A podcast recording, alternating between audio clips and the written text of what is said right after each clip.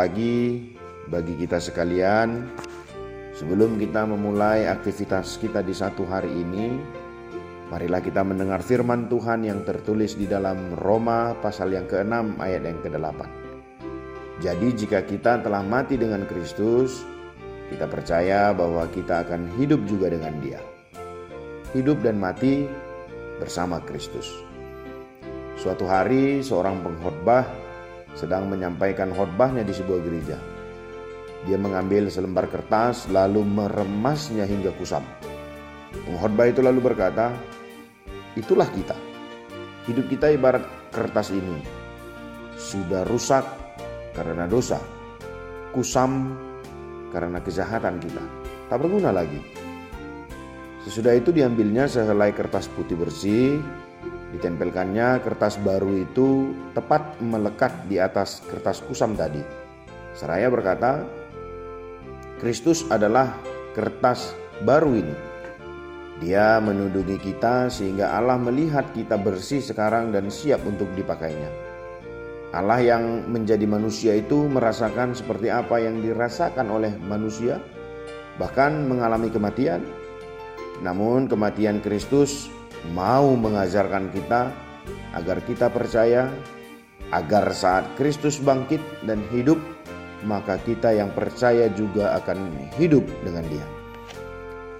Dengan demikian kita telah satu dengan kematian dan juga kebangkitan Kristus. Dari kuasa dosa kita telah dilepaskan sehingga kita telah turut dalam kematian Kristus, manusia lama kita yang telah mati. Dengan kebangkitan Kristus, kita turut hidup juga dengan Dia di dalam hidup yang baru. Hidup baru yang tidak lagi menjadi hamba dosa, melainkan hidup bagi Allah. Inilah diri kita saat ini. Paulus menegaskan pada bagaimana seharusnya kita memandang diri kita. Mati bagi dosa, hidup bagi Allah.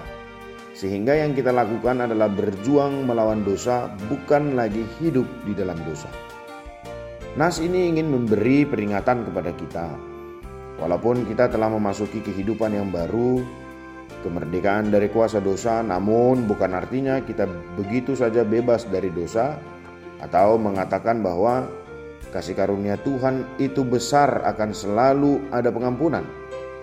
Selalu akan ada saat di mana kita berhadapan dengan daya pikat dosa. Sekali kita berkompromi, maka selanjutnya akan mengajukan pada kita kemudahan-kemudahan untuk tetap berada pada kuasa dosa.